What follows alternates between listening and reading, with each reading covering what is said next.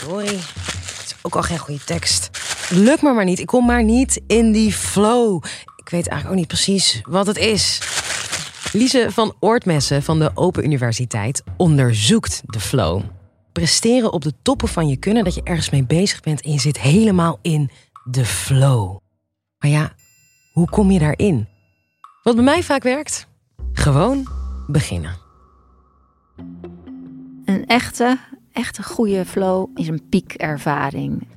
Dus je voelt je echt super lekker als je in een flow zit. En het gaat erover dat je helemaal opgaat in die activiteit. Vaak gaat het ook gepaard met goede prestaties. Dus een flow resulteert vaak in productiviteit of in hoge creativiteit. En, en dat op een manier die soms wel moeiteloos lijkt te zijn. Want ondertussen kost het wel energie.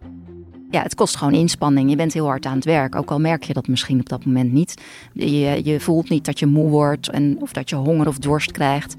Pas als je uit die flow komt, dan denk je: oh wow, jeetje, oh ik ben vergeten te lunchen. En uh, jeetje, ik heb eigenlijk ontzettende dorst. En uh, ik voel me ineens helemaal uitgepierd. Maar dat voel je pas als je uit die flow bent. Stel je voor, je hebt een ingewikkelde taak te doen. Bijvoorbeeld, je moet een scriptie schrijven waarmee je je studie uh, gaat afronden. Een grote scriptie. Je hebt nog nooit eerder een scriptie geschreven. Het is lastig, je weet niet precies waar je moet beginnen. Nou ja, je, je raakt er helemaal van in de stress. Je gaat ermee aan de slag, tenminste, dat wil je. Alleen uh, je, komt, uh, je komt moeilijk uit de startblokken. Dat is het struggle stadium. Het tweede stadium waar je in kan komen, als je richting een flow gaat, is het release stadium het ontspanningsstadium, waarin je het even laat voor wat het is. Je laat het even los, die worsteling. Je gaat andere dingen doen. Je ontspant. En vaak, juist tijdens zo'n fase, krijg je ineens een ingeving dat je denkt van ja, en nu weet ik hoe ik moet beginnen. Nou, dat is het startpunt. En vanuit daar kan je, nou misschien niet direct met die scriptie, maar je zou, je zou dus vanaf daar ook in een flow kunnen raken. Want je, je hebt een grote uitdaging. Uh, je hebt een manier gevonden om die uitdaging aan te vliegen. Op een manier die werkt.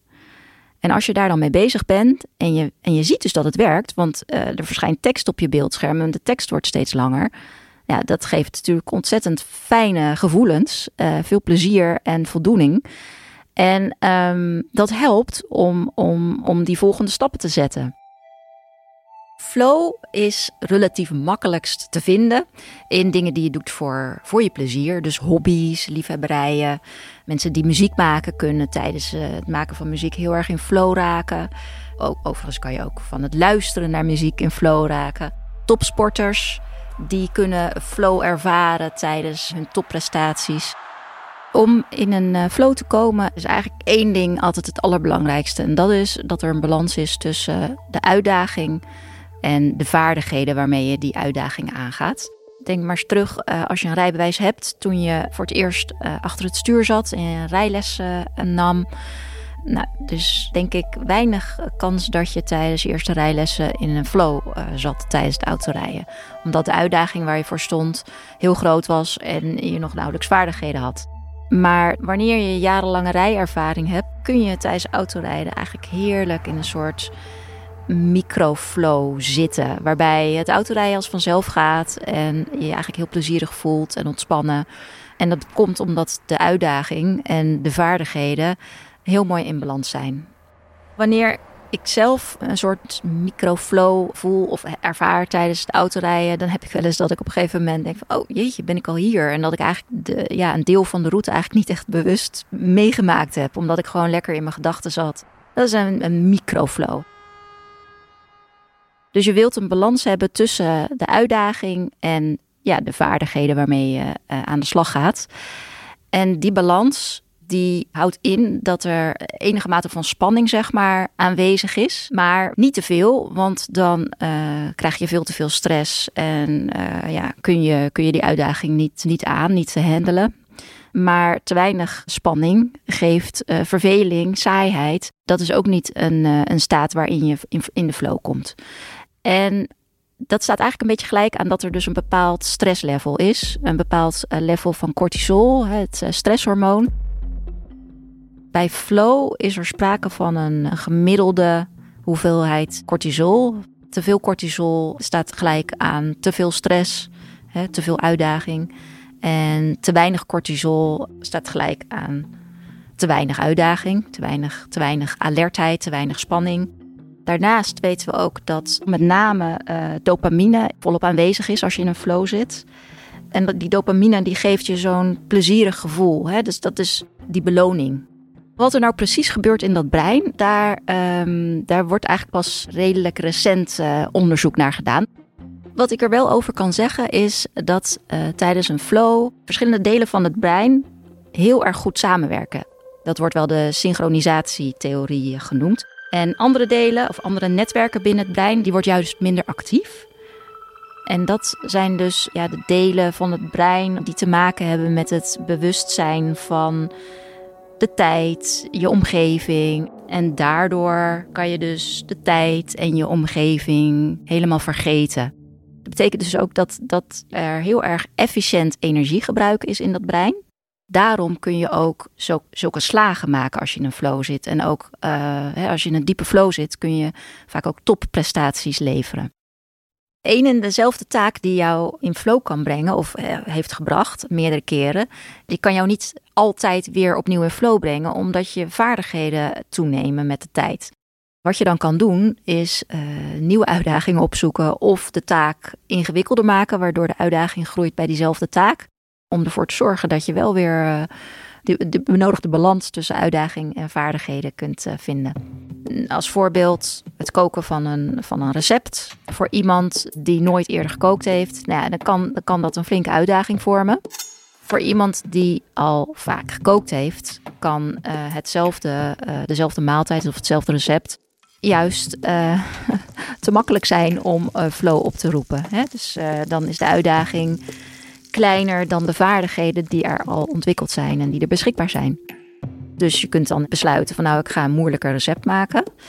Ofwel hè, voor degene met beperkte vaardigheden, ik ga een makkelijker recept maken. Daarnaast zijn er nog andere manieren waarop je kunt proberen om de kans op flow te vergroten. Bijvoorbeeld door de manier waarop je de taak gaat aanpakken. Uh, wanneer ik uh, ga koken, s'avonds, dan vind ik het heel prettig om de dingen heel gestructureerd aan te pakken. Ik zet alles van tevoren klaar en uh, liefst op volgorde. En dat is gewoon mijn manier waarop ik dan lekker aan het koken ga. Maar voor iemand anders kan dat totaal anders liggen. Die kan het prettig vinden om volledig te improviseren tijdens het koken. Dan gaat het ook over omstandigheden. Ik vind het bijvoorbeeld heel prettig om als ik ga koken, mezelf alleen in de keuken op te sluiten, lekker in mijn eigen space. Terwijl iemand anders het misschien juist heel erg fijn vindt als er iemand bij komt staan kletsen. Of uh, om ondertussen een podcast te luisteren, ik noem maar iets. Hey, hallo, welkom bij de wetenschappelijkste podcast van Nederland. Dan kunnen we het ook nog hebben over de mindset. Dat vind ik nou zo ontzettend leuk aan flow. Dat je uh, het niet alleen kunt ervaren tijdens de dingen die je leuk vindt, maar juist ook kunt bevorderen tijdens de meer alledaagse taken. Bij saaie taken, hè, dingen waar je tegenop ziet omdat het gewoon vrij stom vervelend is.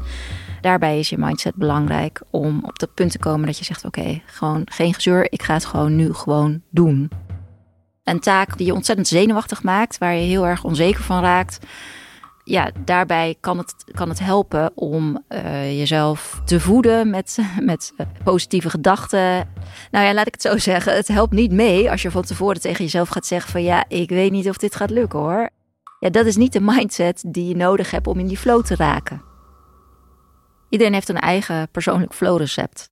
Want ja, mensen verschillen en wat jij leuk vindt om te doen en hoe je het leuk vindt om te doen en de omstandigheden waarin je het graag wil doen, dat verschilt per persoon. Daarnaast is het ook nog eens een keer zo dat binnen een persoon, hè, je bent het ene moment niet hetzelfde als het andere moment. Het ene moment ben je vol energie en kan je niet wachten om ergens mee aan de slag te gaan. En een andere keer dan heb je al behoorlijk wat werk verzet en het loopt tegen het einde van de dag en je bent moe aan het worden. Ja, dan is de situatie anders. Dus dan zijn er soms ook andere dingen nodig om een beetje flow te voelen. Ik nodig iedereen uit om, om stil te staan bij de vraag van hè, hoe, hoe doe ik de dingen graag? En wat is mijn, uh, Uh, wat, wat is voor mij belangrijk om dingen goed met plezier te kunnen doen? Ja, met als doel om vaker kleine flow-ervaringen in je alledaagse leven te, te hebben. Dankjewel Lise en jij weer bedankt voor het luisteren. Tot de volgende!